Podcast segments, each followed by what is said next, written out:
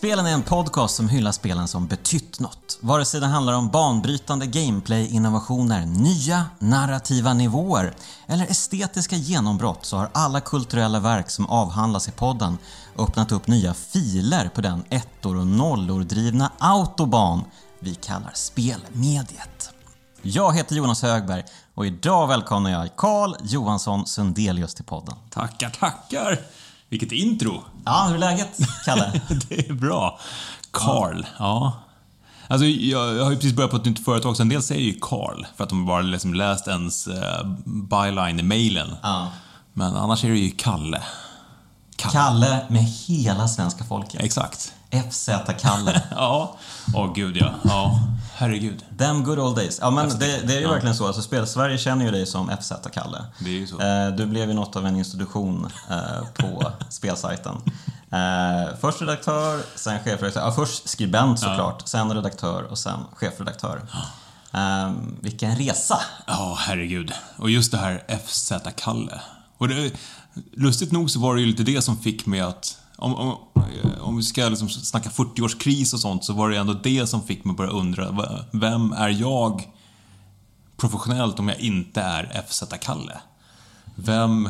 Vad, har jag liksom, har jag något existensberättigande överhuvudtaget? Ja, eh, ja, hur känns det? Nu är du ju liksom Ten Chambers-Kalle, eller? Ja, GTF och Kalle. Jag döpt mig själv på, på Discord till Community-Kalle. Community-Kalle. Det är inte riktigt samma härliga liksom mm, punch i det. FZ-Kalle, det är verkligen bara uff. Ja. ja. Nej, Det, är, det, är en, det är en ny tid, men det är fasken vad, vad kul det är. Mm. Ja, men du lämnade ju förra året. Alltså, vad, vad, är det liksom, vad är du mest stolt över att ha uträttat på FZ först och främst? Oj, man borde ju ha den där, och gud vad jag, så här, det där scopet eller den där artikeln, men ja, jag tänkte nog aldrig riktigt så. Jag, alltså, på, på många sätt och vis så var det ju att bara, bara få, få pengar för att skriva om spel var ju drömmen. Eh, men eh, om jag ska se tillbaka på någonting som jag var extra stolt över så är det just det arbete vi gjorde med välgörenhet de sista åren. Just det, ni drog in jättemycket pengar. Ja, det blev ju över en halv miljon till slut. eh, till, till Barncancerfonden. Och det, det började ju bara som en sån här... Äh, vi borde göra någonting när vi, eh, när vi snackar om årets spel. Liksom. Vi kan väl samla lite pengar. Och Barncancerfonden kändes relevant för både mig och Jocke som, som båda var pappor vid det här laget. Och det, det började ju liksom ganska låg nivå. Vi, vi tänkte att vi drar in 10 000. Det är bra. 10 000 spänn, det är mycket pengar liksom. Och första året drog vi in 27 000 kronor. Mm, oj, oj. Och sen bara stegrade det och ja, över en halv miljon är det i dags, till dags dato. Så det, det tycker jag är kul, men det har ju samtidigt inte så mycket att göra med, med, med mitt arbete inom spelmediet. Jag, jag känner ju inte att jag är en av de här namnen som har dragit svensk spelmedia framåt, utan mest var, nej, jag, jag har knegat på. Du har varit FZ-Kalle. Ja, men lite så. Och det har ju alltid varit mycket fokus på, på community. Uh, har Alltid... Ja, du har ju skrivit mycket tidning. Och de gångerna jag skrev i tidningar så, så jag saknade verkligen den här liksom, kontakten med läsarna. Att man, man publicerar någonting så får man den här responsen. Det kan ju vara bra och dåligt. Uh, Men den här kontakten och den här dialogen som uppstår kring spel med, inom ett spelcommunity när man publicerar någonting. Det, det var liksom det som var min drivkraft. Ja, men en shout-out till FZ-forumet då. Ja, verkligen. Och, jag, menar, jag, jag tycker att det är systematiskt med hela spel, alltså spelcommunityt i stort. Är- Hur många miljon-dollar har inte samlats in via Humble Bundles och Games Done Quick och, och sådana saker. Det, det finns en otrolig drivkraft i, i, eh, i nördar. Ja, eh, det har du helt rätt i. Och eh, nu har du ju då tagit steget över till den mörka sidan. Den mörka sidan. Du jobbar ju som community manager på Ten Chambers, heter de väl? Ja, det hette Ten Chambers. Från början skulle de ju bara vara tio stycken. Det var ju ett gäng eh, veteraner från eh, Grin och Starbreeze och, och liknande. De var trötta på det här storbolagstänket och tänkte att vi ska vara, vi ska vara tio pers och göra roliga spel. Liksom. Uh, sen blev det ju inte riktigt så. Nu närmare... Det blev tråkiga spel. det, blev ju, det blev ju bra spel, men det blev också att nu är vi 70 pers istället. Oj, oj, oj, okej. Okay. Men fler. eh, jaha, de borde ju ändra hela tiden då, så att de är 70 chambers nu då. Skitjobbigt ur ett varumärkesperspektiv att hålla på och byta. Ja. ja, men det har något ändå. Ja. Men eh, okej, så du, alltså vad gör man då som community manager? Ja, alltså community manager har ju blivit någon slit, och släng-titel i spelbranschen tycker jag. För vissa är det någon som skriver Facebook-inlägg, för vissa är det någon som bara skriver tweets och bara håller på med social media. Eh, för mig var det, jag var tydlig redan från början att ja, det är en del av arbetet, men för mig är ju community någonting som man lever i, någonting man existerar i tillsammans med, med alla, alla spelare. Och där är ju plattformar som Discord och Steam Forums och, och Reddit viktiga liksom. Så att, ja, jag pratar väldigt mycket, skriver väldigt mycket, som jag alltid gjort. Ja, du har exakt samma roll egentligen. Ja, men det, det, det är mycket som är det, detsamma liksom. Fast på, det som är roligt är att det är på en internationell plattform istället. Så att, eh, mycket engelska. Du får kommunicera med eh, andra, eh, från andra kontinenter, andra länder och Ja, så men liksom. precis. Och även skriva liksom, copy på, på engelska. Man har ju Ja. eh, spenderat hela sitt liv, eller tillbringat hela sitt liv med att skriva på svenska. Eh, Och nu skriver man på engelska istället. Så det är, det är, en, det är en ny utmaning och det är, det är faktiskt väldigt roligt. Mm, kan jag tänka mig.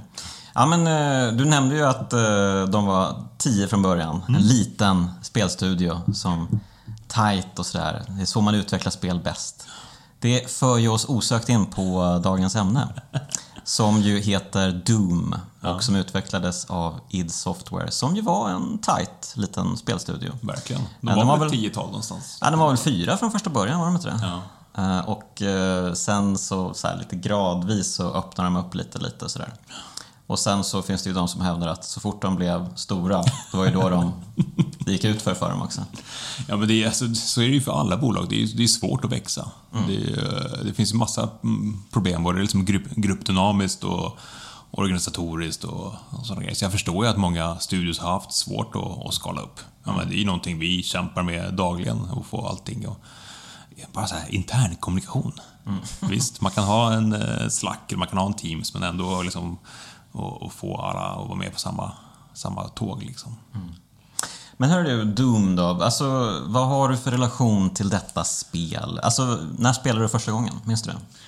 Det måste varit där i, i samband med att första spelet släpptes. Eh, jag hade inte en dator själv på många år faktiskt. Det här var ju liksom på stenåldern när, när hemdatorn precis var en grej och uh, uppväxt med en ensamstående mamma så det var ju inte så att man hade drivit med pengar. Vi hade ett Nintendo, eh, så man spelade ju Super Mario och sådana där liksom platta spel. Men så fick man då komma hem till en polare och så såg man eh, först och främst Wolfenstein men sen då Doom och liksom... Hjärnan kunde inte greppa hur...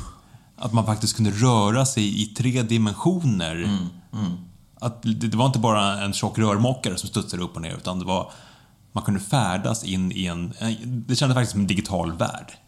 Och det var då liksom hjärnan gjorde den här klassiska explosionen. Och man började förstå att okej, men vänta nu. Kan man göra sånt här? Det var liksom vad... Och man började genast fantisera, och tänk då kan man ju, man kan ju göra spel om andra världskriget, man kan ju göra ännu mer science fiction, man kan göra fantasy och liksom det, så här, alla böcker man hade läst liksom fick på något sätt en, en, en 3D-rendering i det här och allting såg ut lite som, som Doom med pixlar och allt det där men Ja. det, det var någonting som, som klickade till i hjärnan just när man kunde röra sig i, i tre dimensioner och inte bara två dimensioner. Ja, jag minns, det var ju skolan då som jag spelade första gången. Ja. Eh, Vi hade ju världens schysstaste datorlärare som hette Ulf, men vi kallade honom för Varulf. För Varulf, att han eh, hade väldigt eh, varulvslika kvaliteter, väldigt långt hår. Han hade faktiskt John Romero-hår. Jag börjar bara undra nu när jag tänker på det, var det en liksom medveten liksom, eh, hänvisning eller liksom hyllning till John Romero? Okej. Vem vet? Så han introducerar er för Doom alltså? Ja, precis. Eh, Så det här var ju då kanske, ja, kanske inte spelade förrän 95 kanske till och med. Mm. Ehm, lite senare då. Ehm, Men då var det ju liksom ett gäng första personspel för då hade det kommit en hel del. Liksom. Eh, Det var inte bara Doom och eh, Wolfenstein, det var ju liksom Duke Nukem 3D Ja, gud, ja. och alla de där liksom det kom så himla många konstiga 3D-spel. Blood fanns det väl något som hette Ja, också. Blood, Hexen, Häxan, precis. Heretic, ja det var lite senare. Mm. Eh, Ja, men vi, vi spelade faktiskt ganska mycket sådana liksom eh, blodiga, eh, farliga eh, spel på skoltid. Vilket vi bara kan hylla Varulf för. Ja. Eh, tack för det. Eh, Men, eh. Ja. men jag hade ju en likartad upplevelse. Det var ju liksom helt otroligt, verkligen. Den här tredje dimensionen. Wow, vilka grejer. Ja, det, det gick liksom inte att greppa och sen så hittade man mer saker. Okej, det fanns hemligheter. Tryckte jag på den här väggen så var inte det en vägg utan det var en hemlig liten gömma med, med extra ammunition och någonting. Då, så sprang man ju runt i cirklar och bara tryckte på denna vägg istället. För Ja, man, man ville ju hitta allting liksom. Mm. Men det där ver- verkar ju ha varit en stor grej för dem också, id. Att eh, när de liksom började utveckla motorn, eh, alltså John Cormack, de verkade ju ha liksom en ganska liksom gedigen, solid eh, liksom, eh, plan för alla sina spel.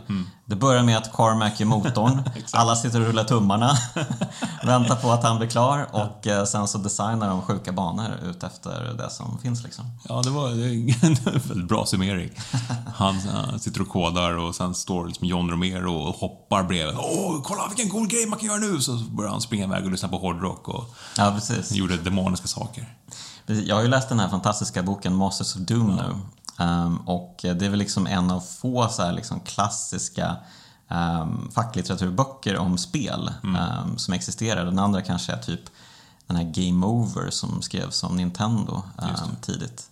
Men utöver den och Masters of Doom så vet jag inte riktigt om det är någon som har liksom samma status. För det här är ju verkligen en klassiker som jag inte läst förrän nu. Oj, ja det är ändå imponerande. Eh, ja, hur kunde jag undvika att läsa den? Det är helt sjukt faktiskt.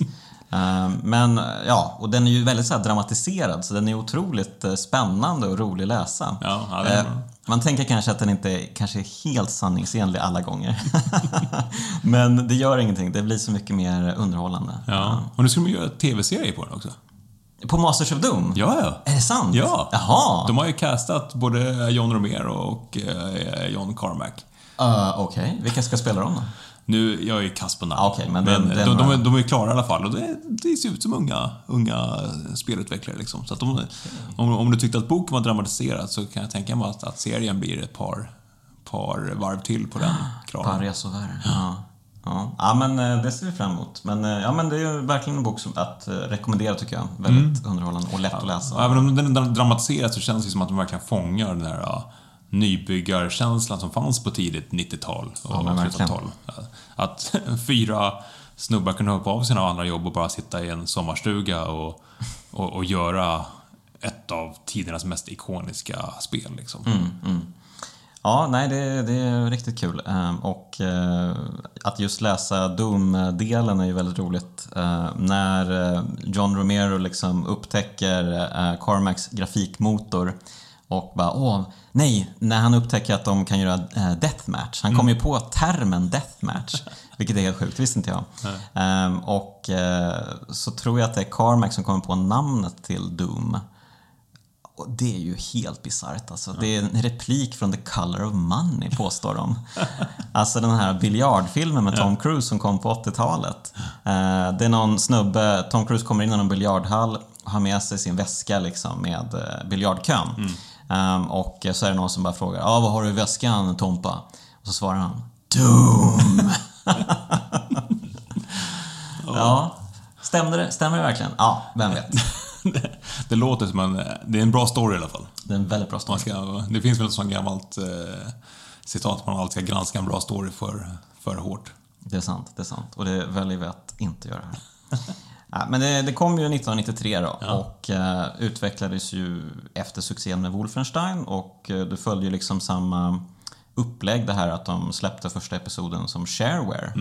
Vilket ju var, alltså de, de var ju ver- verkligen, eh, de var ju nästan kommunister alltså id Software. De ville ju bara, de ville ju släppa källkoden fri också så att alla kunde utveckla moddar och det var liksom free for all verkligen. Vilken Ja, det var, ju, det var ju ett free to play-spel innan free to play ens var en grej. Ja, just det. Det var att folk liksom skickade sedlar i kuvert till kontoret för att få resten av spelet. Ja. Och att den logistiken överhuvudtaget liksom funkar, det är eh, svårt att förstå idag.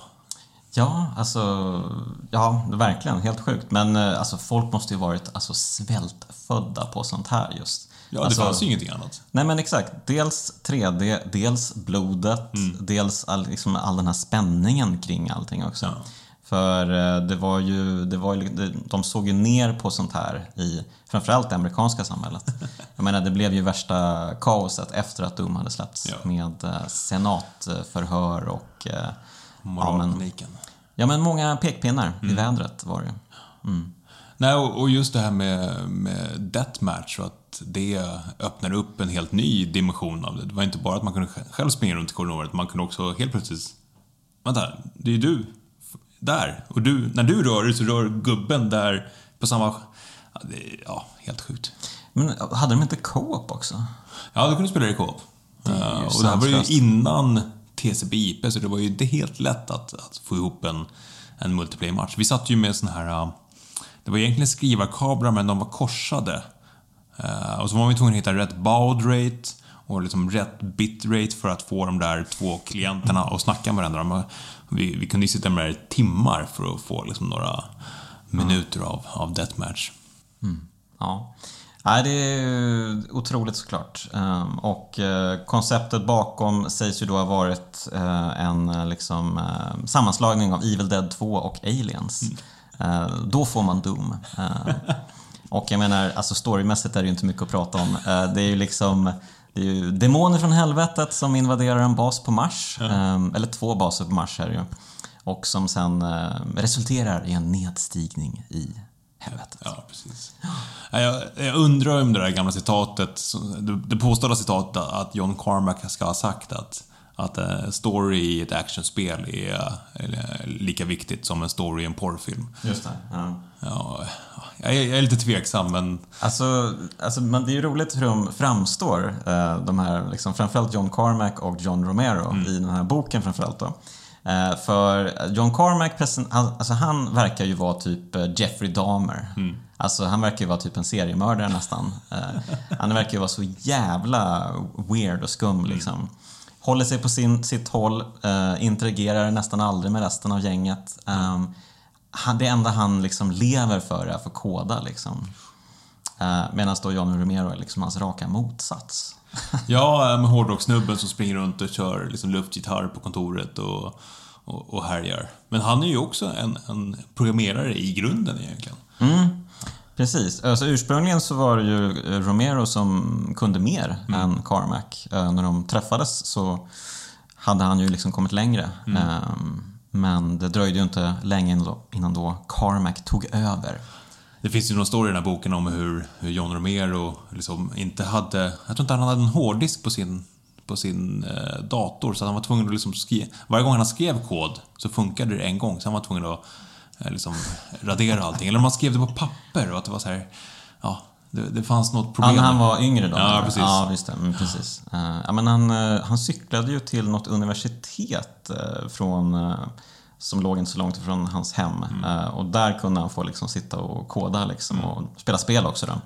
Eh, och det här var väl typ början på 80-talet när det typ inte fanns så mycket eh, annat än enkla textäventyr och sånt där liksom, som man kunde spela på datorer. Eh, I arkadhallarna var det ju kanske lite mer färgglada spel. Liksom. Ja, PC låg ju ganska mycket efter både konsolerna och arkadhallarna där. Mm. Och det de lyckades göra där i början med just att de lyckades få Super Mario att rulla sin, deras Super Mario-klon. De pitchade ju för att göra Super Mario till PC. Just det. Mm. eh, till Nintendo. För att de hade lyckats få liksom, scrollningen att vara så smooth som den är på konsoler på en PC med begränsad eh, hårdvara. John Carmacks första stora bedrift liksom. Exakt. Ja. Och så gjorde de Commander Keen-spelen istället. Då. Exakt. Har du spelat Commander Keen? Oh ja, absolut. Nej, jag har aldrig gjort det. Ja. Eh, Är det kul? Alltså de, de känns väldigt typiska för den tiden, och den typen av plattformsspel. Man, man är en liten rymdgubbe, man hoppar omkring och så, så skjuter man på små aliens liksom. Ja, så att för mig var, det aldrig, var aldrig Commander Keen någonting speciellt. Nej, okej. Men det kändes inte mäktigt att se liksom Super Mario-spel på PC liksom? Nej, jag hade inte den... Jag, jag, jag tror inte jag hade det tekniska kunnandet då att förstå att det, att det var en stor grej. Utan ja, det är ett spel. Jag, jag spelar liksom. Så det var kanske mest eh, mäktigt då för dem själva egentligen kanske? jag tror det. Klubben för inbördes beundran. Ja, äh, de verkar ju onekligen ha varit det också. Ja. Uh, alltså shit vilka jävla egon alltså som, som levde och frodades där på id. Ja. Um, inte undra på att de döpte företaget som de gjorde. Um, Ideas from the deep. Just det. Men så, det var ju då John Carmack, John Romero, Adrian Carmack. Mm. Delar namn med Carmack, men, men inte, inte släkt. Nej, de är inte släkt. Jättemärkligt. Hur är det möjligt? Ja. Ehm, och eh, Tom Hall då, Precis. Eh, som var de ursprungliga grundarna till företaget. Ehm, och det, sen dröjde det väl inte så länge innan Tom Hall blev oustad. Mm. För att han hellre ville göra typ eh, färgglada spel med stories, typ. Mm. Vilket kanske inte riktigt var grejen då. det var inte It's, It's melodi. Mm. Ja, sen tog de väl in Bobby Prince ganska tidigt också för att göra den legendariska musiken till, oh, just till musiken. Mm, musiken är fin alltså. Midi-tonerna. Mm, verkligen. Ja, jättebra ljudeffekter också. Ja. Ja, de har verkligen nailat mycket i det där spelet.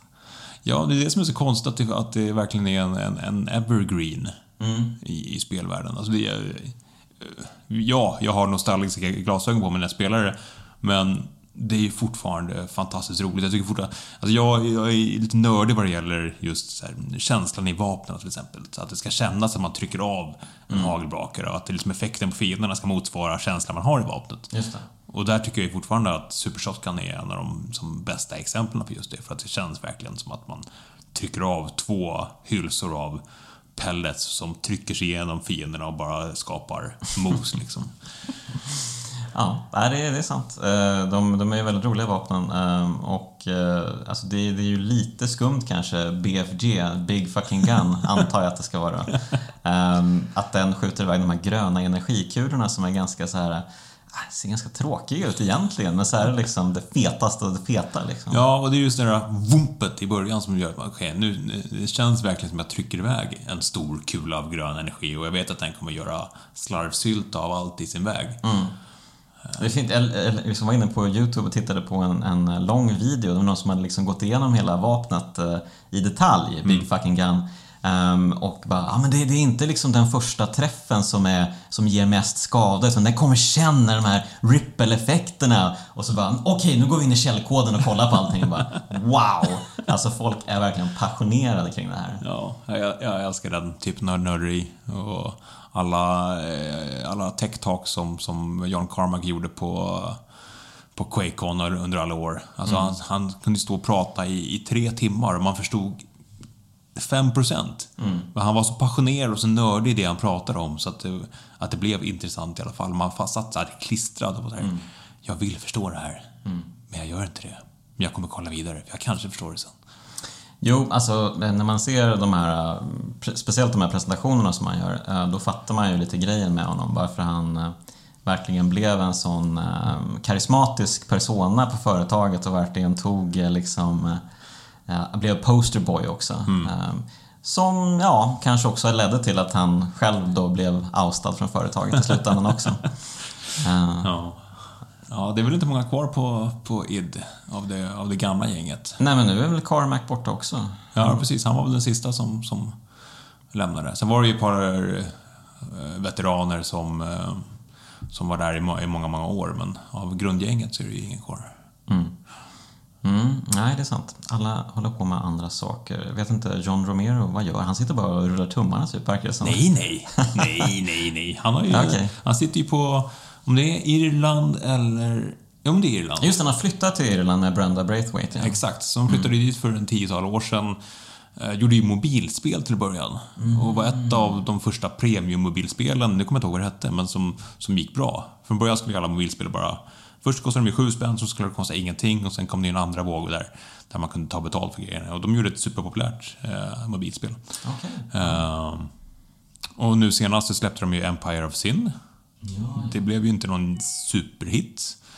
Eh, gavs ut av Paradox, men eh, båda de två är kvar i, i, i spelbranschen i allra högsta grad. Ja, Carmack håller väl på med Oculus nu va? Eh, eller har han lämnat dem också nu? Oj. Det borde jag ju veta. Han, han, han klev ju ner som deras Chief Technical eh, General Director of Master. Och så vidare och så vidare. Ja, precis. ja. Men jag tror fortfarande att han är med i, kulisserna. Mm. Men han är inte den stora liksom, posterboyen för, för eh, Oculus. Okej. Ja, men det, det verkar som att även han har lugnat ner sig lite med, med åldern. Att han inte riktigt är så här... Kodning kanske inte är allt i livet längre. Ja, eller att liksom, den typen av kodning inte är riktigt det som, som efterfrågas längre kanske. Jag vet inte. Ja, kanske. Det möjligtvis. Eh, Man borde ha en riktig, riktig kodare här och prata med. Eh, Alltså, vad är det John Carmack verkligen gillar? Ja, precis. Och, och låta dem förklara varför källkoden var så magisk.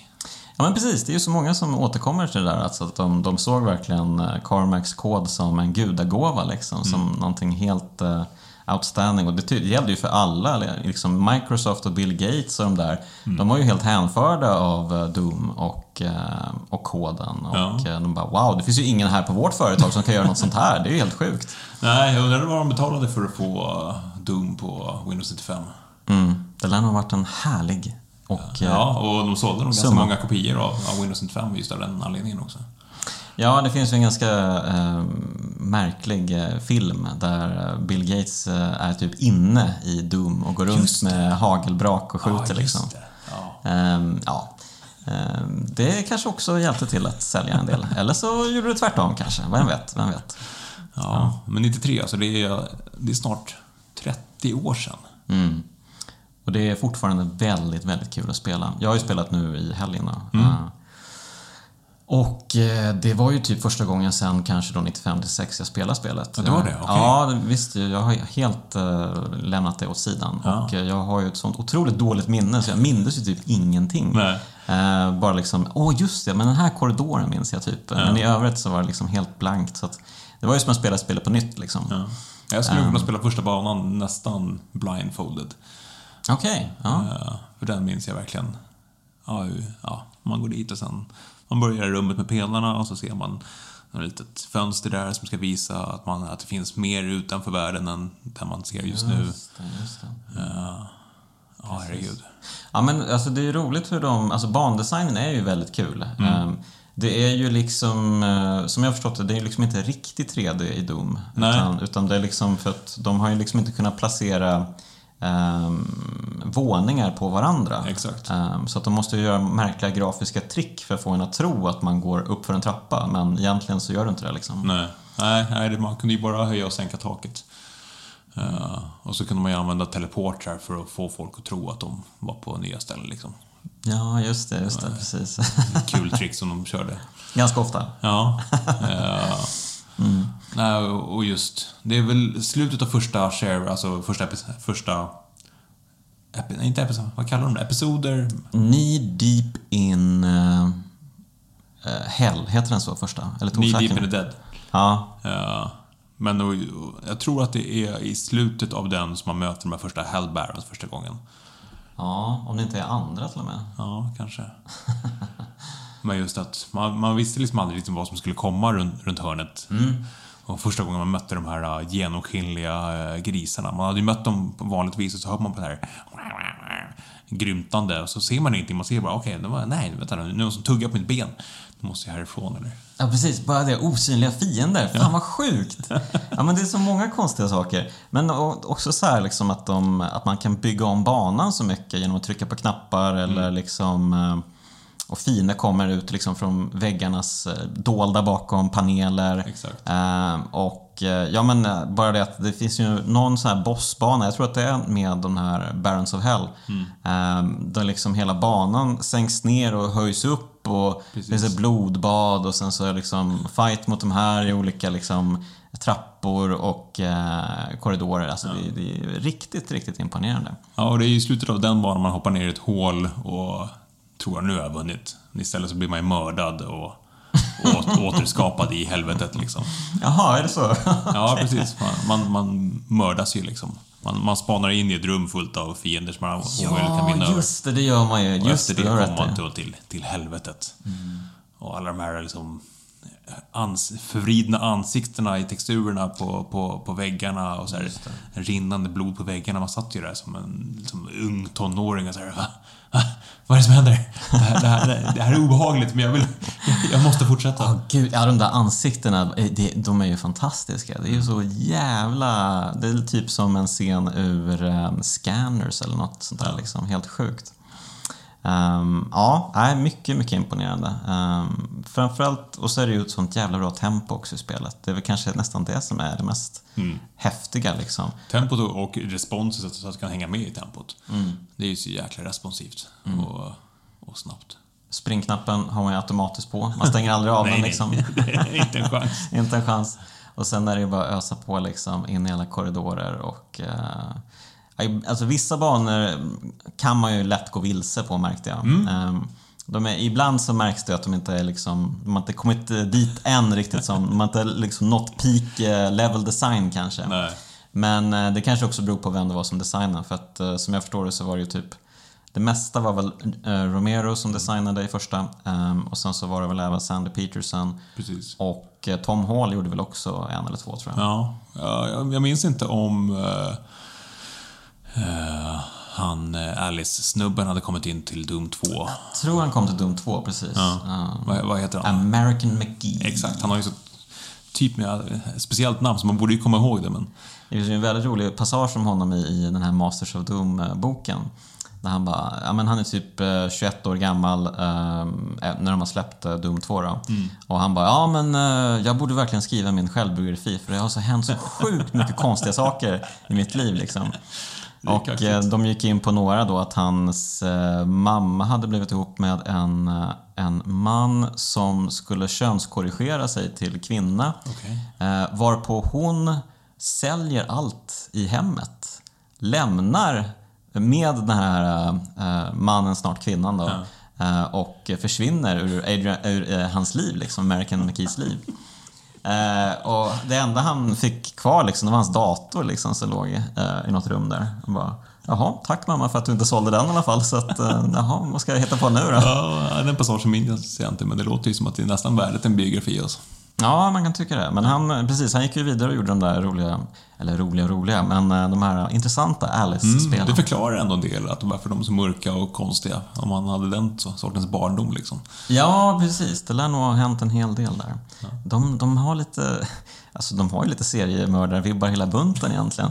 Vilket ju, det är lite ironiskt för sen så blev de ju ändå liksom anklagade för att eh, fostra just seriemördare med eh, Columbine-dådet liksom. Precis, att, de, att, att eh, massmördare kunde träna i, i, i Doom och liknande spel. Precis. Ja, det var en mörk tid.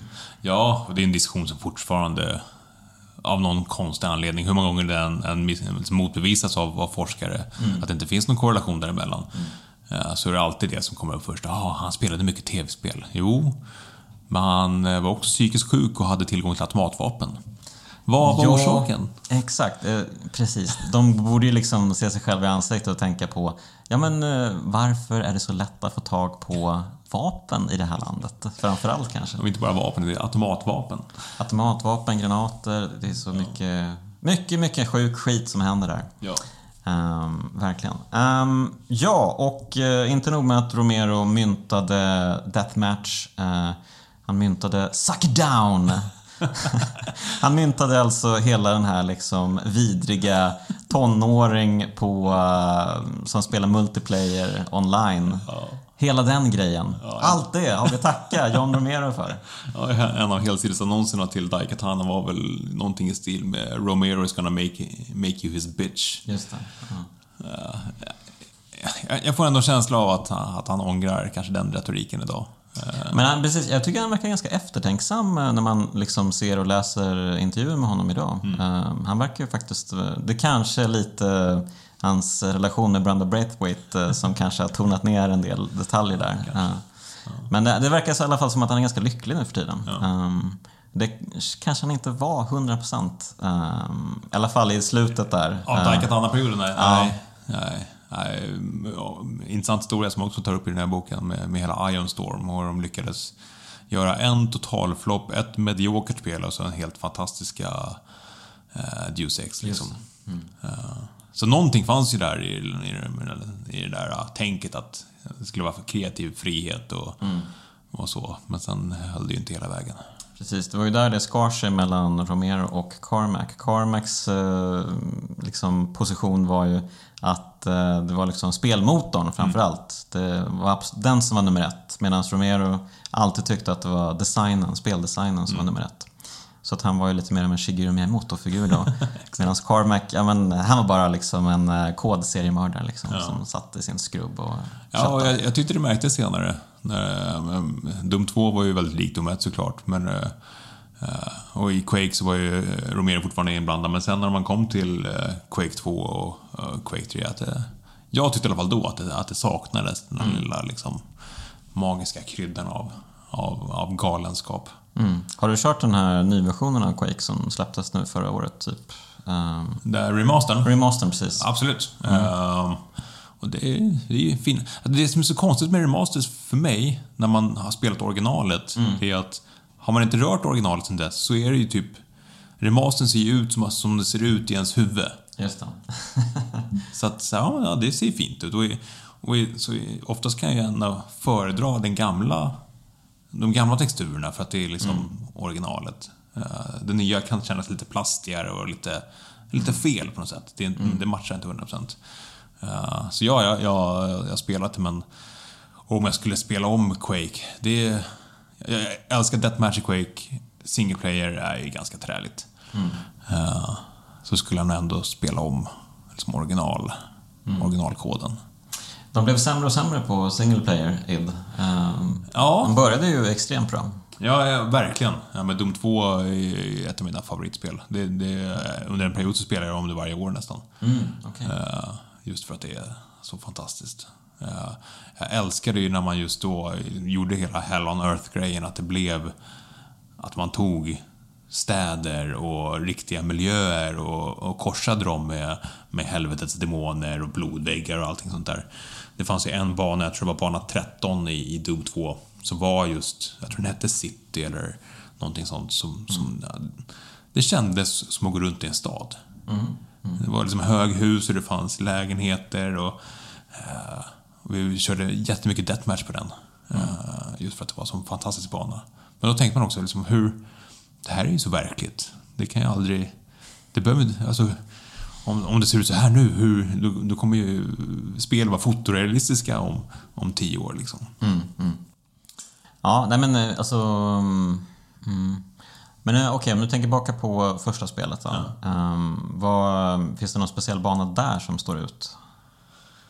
Den som ligger varmast minnet är ju dels inledningen då, med hela, hela månbasen när man vaknar upp och inte förstått vad som har hänt. Men också första mötet där med, med Hell Barons. Där man går upp för den där trappan och så är det två dörrar framför en. Och första gången man inte visste vad som skulle hända så kommer de här jättemonstren ut. Och man trodde ju att nu är det kört. Nu, nu, nu. Och så dog man ju 20 gånger i rad. Och så bara, ah, vänta det finns ju tunnor där borta. Om jag kan locka dit dem och sen skjuta på tunnorna så kommer de inte skadade av tunnorna och så kan jag liksom börja liksom circle strafa runt de här. Och bara en sån sak. Strafa. Ja! Ja, vilken grej. Vilken grej! Helt otroligt. Man, man höll in skift och så kunde man då... Ja, då, då körde man ju med piltangenterna. Sköt på mellanslag. Men höll man in skift så kunde man också gå i sidled. Om man, om man var duktig på det där, då kunde man ju liksom cirkulera runt fiender och bli riktigt, riktigt duktig. Ja, shit. Men samtidigt, eh, man kunde ju inte liksom styra siktet vertikalt. Eh, Man var ju liksom fastlåst eh, i mitten. Exakt. Det var ganska skönt måste jag säga. Jag, jag gillar det ganska mycket. Alltså, all, det är ju alltid nu för tiden man spelar liksom FPS-spel så är det ju liksom man snurrar runt med allting liksom och man har den här totala friheten. Men det, det är någonting speciellt när spelen då liksom inför begränsningar. Nu var det ju kanske av hävd då för att de inte kunde eh, liksom göra det. Men eh, det är fan riktigt kul. Man behöver liksom, det finns en grej som eh, försvinner ur tankegången som gör att man kan snabbare spela eh, de resten av detaljerna. Liksom. Mm. Man kan bara fokusera på att kötta runt. Ja, verkligen. Och så är det, ju, det blir ju lite knasigt ibland när man står på toppen av en trappa och så är det liksom längst ner en fiende så kan man bara skjuta rakt fram och så dör fienden. Men det är ju såklart för att det inte finns någon trappa antar jag. Liksom, Nej, att- precis. De är ju på samma plan egentligen. Så att, eh, ja, det är lite skumt ibland men eh, ja, det, det, det är kul också.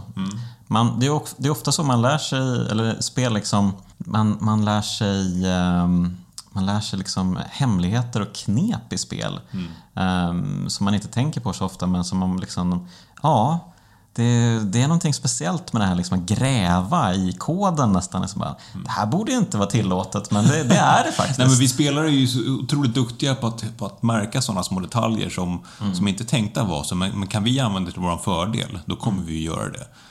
Ja, absolut, alltid. Alla, ja, alltid. Ehm, så just så, sådana saker.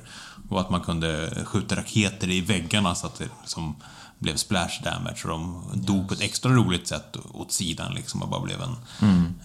kötthög. Sörja. Exakt. och just det här med eh, att man kunde skjuta på tunnor, att de exploderade. också här. Ja, det kanske var första gången. Eller hade de det i Wolfenstein? Oh. Oklart. Oklart. De hade hundmat i Wolfstein, det vet jag i alla fall. Just det, de var, det var många som var upprörda på att man kunde skjuta hundar i Wolfenstein, så det var de tvungna att eh, eliminera i Doom sen. För Ja. att uh, djurrättsorganisationerna ska man inte mucka med, vet. Ja, men det där är ju fortfarande en grej att folk har spela, svårt att spela spel med, med hundar just för att man inte vill skada, skada djur. Människor kan man mörda hur mycket som helst, Precis. men hundar eh, är fridlysta. Precis, hundar måste vara odödliga i spel. Men hur, hur var det för dig då som, som återkom till spelet efter så många år? Mm. Ja, nej men eh, det var ju superhäftigt. Um, alltså, variationen på fienderna eh, var väldigt häftig att se. Ehm, det är klart, man, man minns ju självklart de här flygande blobborna. Cacao Demons. Cacao Demons. Ehm, de ser ju otroligt balla ut. Men jag hade helt glömt bort de här flygande dödskallarna. Ja, de är jobbiga. De är jobbiga jävlar. De kommer fram och liksom tjattrar och biter och sådär. Ehm, och eh, nej men alltså alla grunts, det finns ju många olika variationer på dem. Ehm, människor ehm, som antagligen har blivit demoner, halvdemoner liksom. Som fortfarande går runt med hagelbrakare och skjuter på en. Ja, de är ja, tre, fyra stycken sådana är ju riktigt livsfarligt att Ja, möta. det är superfarligt. Ehm, och ja, men framförallt de här vanligaste demonerna eh, märkte jag liksom hur, hur kul det är att bara slåss mot dem. När de skjuter iväg den här röda bollen liksom, eh, som gör ganska mycket skada. Eh, när man har liksom, när de, kommer man in i ett rum och så blir det en sån här fälla, du vet. Eh, de kommer från alla möjliga håll och kanter. Och så ska man bara liksom ta sig ur det här. Ehm, det är ju inte så ofta det sker i de här liksom stängda rummen, men det är någonting speciellt med det också. Ja. Just den där liksom, nu måste du klara dig på den här liksom tajta ytan du har här och eh, försöka cirkulera runt och ja, men göra ditt yttersta. Ja, och just Impson och deras eldbollar, det var också en, en, en, en 3D-revelation att man kunde då strafea åt sidan så kunde, hörde man verkligen det där tjosh gick förbi ens huvud. Och då kände man, nej nu, okej, nu överlistar den här jäkeln, nu kan jag, nu kan jag mörda honom. Ja. Ja, men å andra sidan så, eh, bossstriden med Barons of Hell, den är jättebra, absolut. Eh, Jag var inte lika uh, smitten with the kitten med de två andra, uh, Cyber Demon och eh, den här Spider Mastermind. Nej. Eh, Jag kände väl att de var bara liksom två stora typer som malde liksom med sina rocket launchers och Ja, grejer. speciellt Spider Demon som, som är, har någon form av hit-track vapen. Bara, bara du visar runt hörnet och blir träffad. Det finns Ja. liksom inga, inga projektiler att över, överlista på det Nej, sättet. precis. Ja, så den är ju inte superkul. Det handlar ju mest bara om att återigen överlista mekaniken i spelet, få den att fastna i något litet hörn så man kan köra lite tjuv, tjuvnyp från sidan. Liksom. Precis. Ja, nej men så det, det är inte jättekul kanske, men, men eh, för precis, Barons of Hell, de var ju jättekul bossstrid. Eh, Det måste ju varit en av de första riktiga bossstriderna också, tänker jag. Ja. Eh, Visst, man slogs ju mot Hitler i, i Wolfenstein, men det var ju inte någon speciell strid egentligen. Nej. Eh, nej, men det är kul. Och så fanns det ju många svårighetsgrader verkligen. Japp. Um, spelar du alltid på högsta när du spelar om? Nej, jag kanske gjorde det förr i tiden men inte längre. Jag, jag, jag blev en mjukis och kan gärna köra på mitten, mittenivån. Jag, jag skäms inte om jag behöver sänka den för att komma vidare. Liksom. Nej, men det är samma här. Jag, jag, jag började på den absolut svåraste, bara för att se hur det var. Ehm, jag kom ju inte igenom första banan, så att, eh, då var det bara, ah okej, jag får nog... Jag får var nog- inte sån hardcore gamer som jag trodde. Nej, alltså det, det är ju så alltid att ehm, man var ju mycket, mycket hårdare när man var ung. Speciellt eh, när man var ung på 90-talet när det liksom inte fanns eh, walkthroughs eller, eller nå- någon hjälp att få. Förutom hade- kompisar kanske. Ehm, Och så hade man ju oändligt med tid. ja, man hade ju det. Ja, man Och så kunde- hade man ju ett spel. Ja, precis. Så att självklart blev man ju bra på det till slut. Eh, och möjligtvis kunde köra på svåraste. Men eh, mm, inte alltid, inte alltid. Nej, Nej vilket jävla ikoniskt spel. Alltså, det går inte att komma ifrån att det är... Alltså, hur hade... ja, Med tanke på hur stor shooter-genren är i, eh, i, i spelbranschen, vad, vad hade hänt om inte Doom? För det, det satte ju... Det satte ju standarden för så mycket.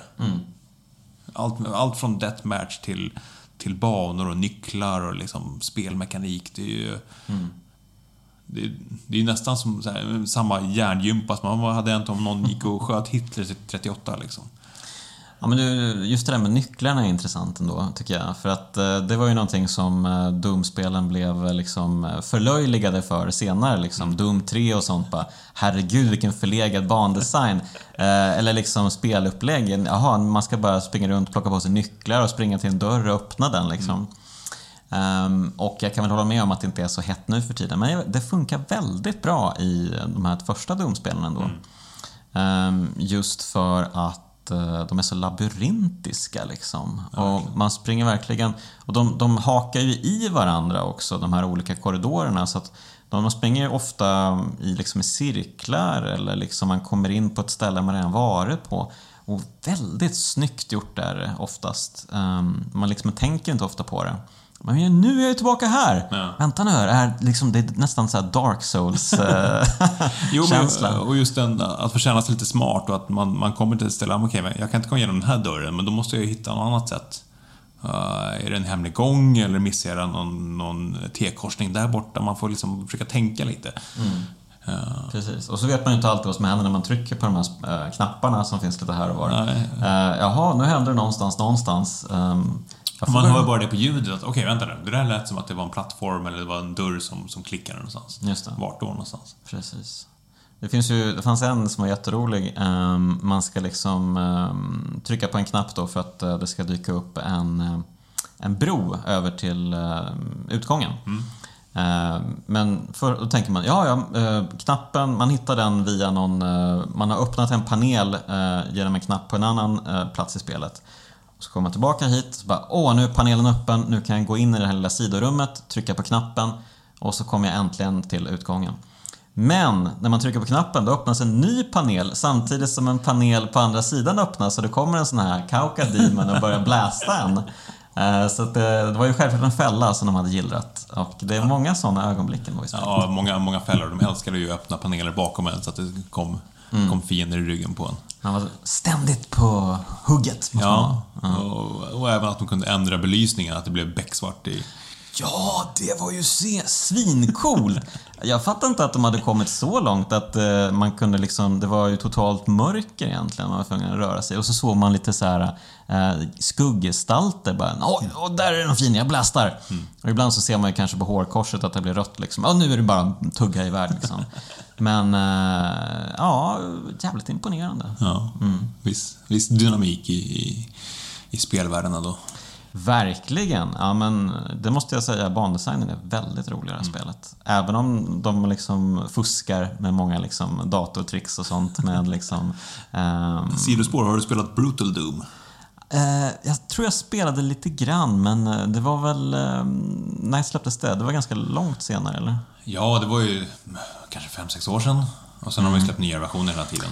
Ehm, var det fem, sex år sedan? Jag får med jag skrev om Brutal Doom när jag var på Aftonbladet. Men det, ja, du kanske rätt. Ja. Mm. Första versionen kanske var ännu tidigare, men eh, de har ju kommit med, med... Först var det ju bara att de tog källkoden och tog det gamla materialet och återskapade och sen slog in det på ännu mer blodeffekter och lite galnare vapen. Men sen har de ju även skapat en egen, eh, egen kampanj som faktiskt är riktigt, riktigt bra.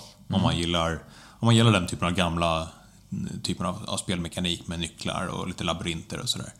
Eh, Så den kan jag varmt rekommendera om man vill ha lite mer Doom fast i lite modernare tappning. Och så har ju John Romero gjort en egen sista, eller extra episod också. Precis. För inte så länge sedan. Eh, Det var väl också typ 5-6 år sedan. Ja, någonstans där. Ja. Eh, ja, jag har spelat delar av den och ja, den är, den är kul. Det är nog mer...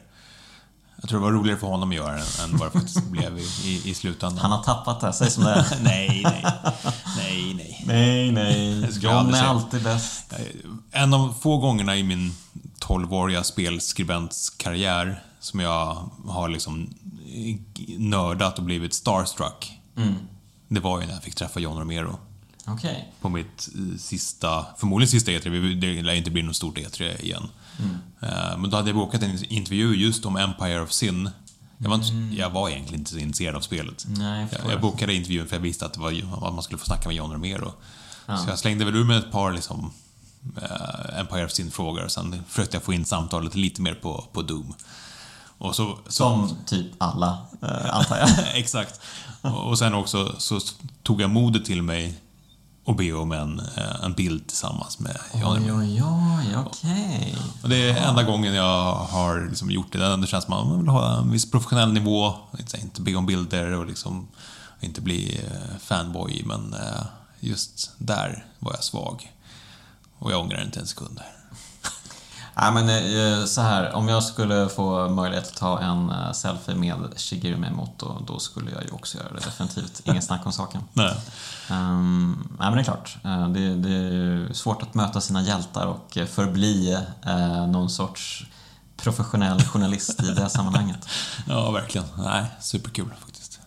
Jag gick som på moln hela Ja, men hur var han då? Berätta lite.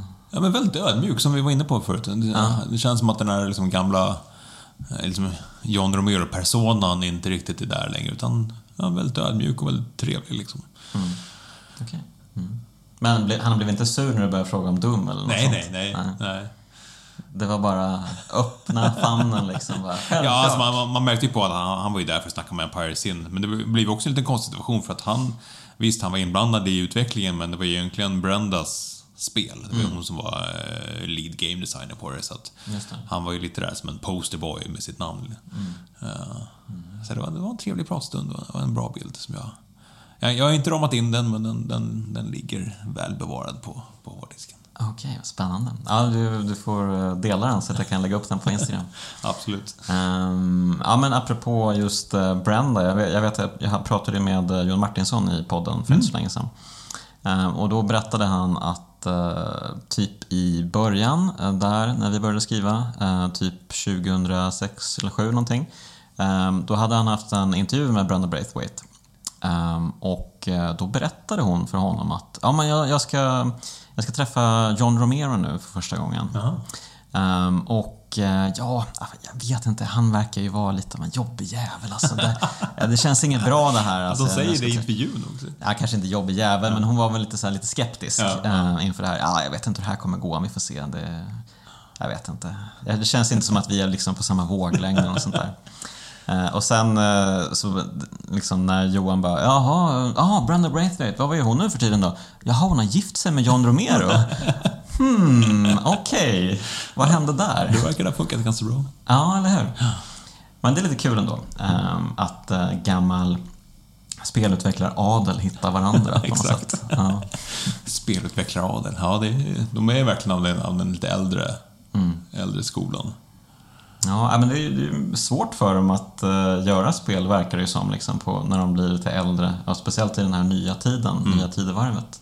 Ehm, de verkar liksom inte riktigt ha hängt med ofta. Nej, alltså är det något sånt namn? Ja, men, eh, absolut, Shigeru Miyamoto, han är ju Fast han gör ju inte riktigt eh, spel på samma sätt som han gjorde på 90-talet. Liksom. Han är ju bara någon övervakningsguru liksom. Som de, springer, de, de riktiga speldesignarna springer och typ visar typ, ja men vad tycker du om det här? Ja men det är tummen upp, Ja. typ. Ja, för det, det... Jag har svårt att säga ett namn där det verkligen... Ja, men, det har varit konstant kvalitet rakt igenom sen, sen första början. Nej, det, det verkar vara svårt det här. Men eh, ja, och eh, ja, nu försöker jag fundera på något vi ska, mer vi ska prata om. Är det något mer som du vill prata om eh, gällande Doom? Första Doom. Ja, Eh, oj, det känns som att vi har attackerat det från alla håll och vinklar. Ja, men det känns lite så faktiskt. Mm. Ja, men vi, vi kan väl bara ta upp, uh, spelar du moddar liksom när det begav sig? Um, det släpptes väl otaliga redan Ja. tidigt menar jag. Det gjorde du ju. Eh, jag vet att vi själv höll på lite och gjorde egna banor. Nej, vad kul! Gjorde ni? Okej. Ja, för det var, ju, det var ju väldigt basic. Det var ju i princip att, att sätta upp sektorer i... Jag minns inte om det var deras eget program eller om det var något eget hemkok som någon hade gjort för att göra egna VADs. Eh, Men att det var, det var liksom inte svårare än att sätta ut sektorer för, för korridorer och så var det då olika små pluppar för... eh, Ehm, jag kanske ska pausa.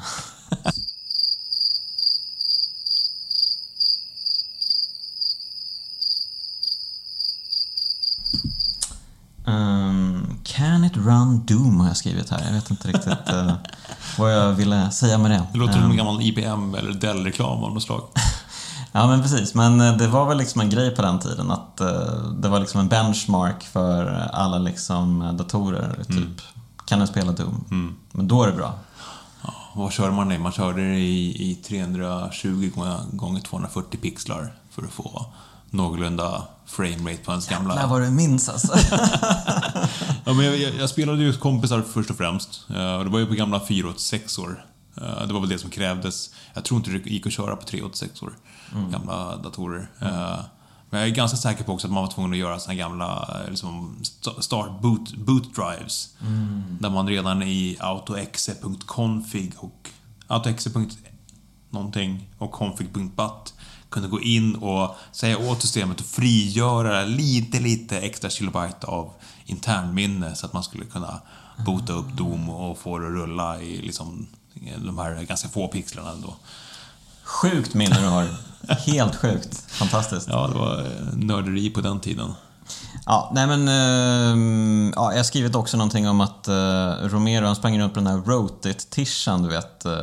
han, de tryckte ju upp hela gänget när de hade gjort eh, Doom och eh, de begav sig ut och för att visa upp spelet eller de gick på deathmatch-mässor och sånt liksom. Så då var de, dök de alltid upp med sina egna t-shirts där man hade liksom loggan på Doom på bröstet och sen på ryggen, då stod det Rotit. Wrote it. Wrote it.